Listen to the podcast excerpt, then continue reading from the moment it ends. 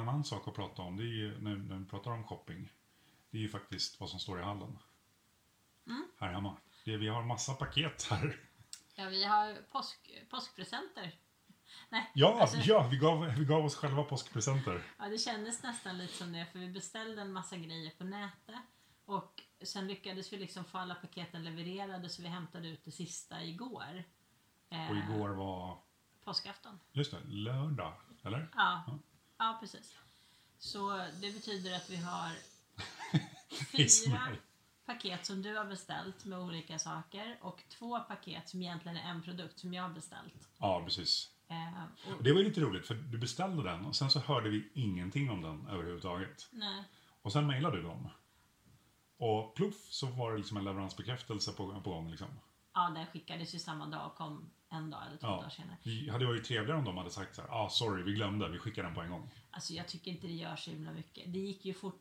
Jag, jag tänker att vi lever ju ändå just nu i en tid som är lite udda.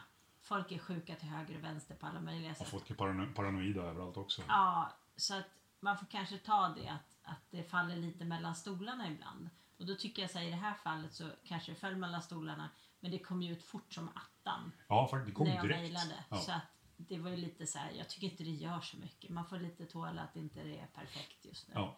Tycker jag. Men jag tänkte vi skulle försöka se om vi kan göra en unboxing på dem senare här i podden.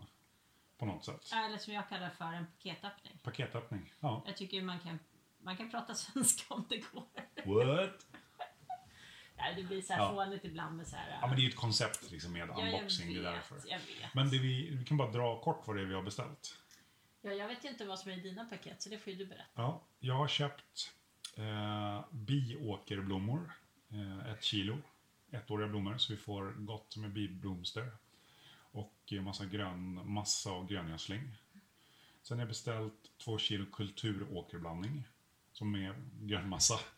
Alltså det viktigaste vi kan göra på gården det är ju att odla jorden. Vi måste ju börja liksom, vi måste börja i två ändar. En där vi odlar det som vi ska käka och en där vi odlar för att odla jorden och kultivera jorden.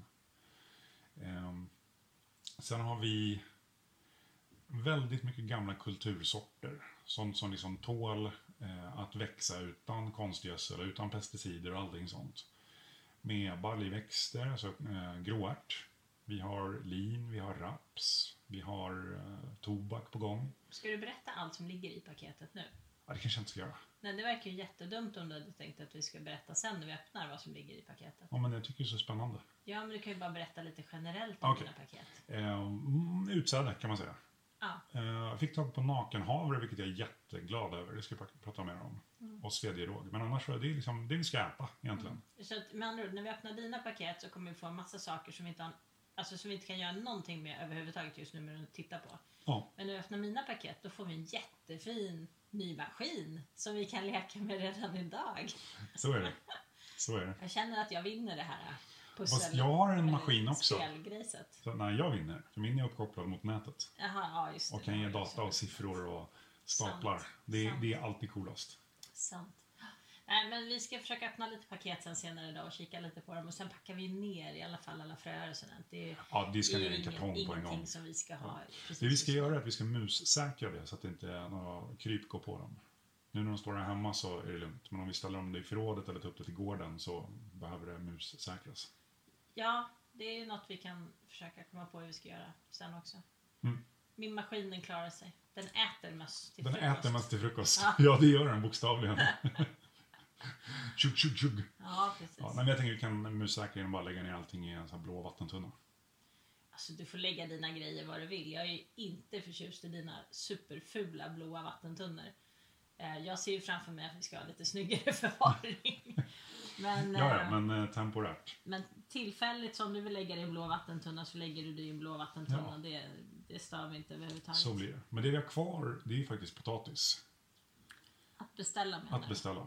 Mm. Det har vi inte sådär. Nej, vi har inte haft så himla bråttom heller. Nej, alltså jag, men jag börjar bli lite otålig och lite så orolig. Tänk om det inte hinner, tänk om det blir för sent. Jag tror att vi kommer få svar på det när vi åker upp imorgon. För då ser vi ju liksom om det ligger snö överallt så är det väldigt svårt att få ner en potatisbacken. Det är det.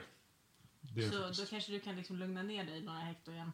Ja. Men jag, jo, jag vet. Men just nu känner jag mig lite så här... Uh, Ja. otålig, vill komma igång. Ja, men det är ju söderut har de ju liksom redan börjat och så. Jo, jag ser det i liksom, grupperna på Facebook och liksom, bilder och så här att det är liksom, nu är vårbruket igång och nu Mm. gör vi det här, nu gör vi det här och jag är så här, eh. Ja, men, ja, men det känns ju lite som att man ligger efter planeringen just nu. Mm. Men eh, och när du har gått på och lärt dig om, om jordbruk så har ju du gjort det söderut också. Så att, Mm. eh, vi behöver ju liksom mentalt ställa om oss nu att vårt odlingsår ser ju säkert ganska annorlunda ut. Alltså det, det kommer vara uppbyggt på ett helt annat sätt. Faktiskt. Ehm, så men jag förstår att du är stressad för jag ser ju också bilder på Facebook när de har kommit igång med vårbruket. Ja. Eh, men jag, har ju, jag tittade faktiskt lite grann på den här stora älgvandringen igår. när jag skulle sova. Vad roligt. Jag såg ingen älg, men jag såg två svanar Oj. som eh, flög och, och de lät ju så roligt. Och sen landade de och så gick de runt där. Så det, Ja. men det, det jag skulle säga var att jag har inte en aning om vad den stora älgvandringen egentligen är. Men de hade spelat in det med väldigt många olika kameror på olika platser. ja. Och så liksom såg man en plats i taget och så liksom bläddrade det runt så. Och det var snö precis överallt kan jag säga. Så Mm. det var ju, till och med de stora öppna ytorna var ju snöbelagda. Ja. Så jag räknar ju kallt med, nu vet inte jag hur långt norrut det är filmat, men att vi säkert har snö kvar. Så kan vara. Tänkte jag igår när jag såg Ja. Älgvandringen. Med svanarna på. Tänk att du kollar på älgvandringen. Ja men alltså jag behövde ha något för att somna. Jag har ju så svårt att sova ibland. Ja. Så eh, då behövde jag ha någonting som bara var igång en stund. Eh, så att jag kunde liksom, jag vet inte, bestämma mig för att blunda. Och sen stängde jag av det och så Ja, sov mm. jag. Det är ju perfekt.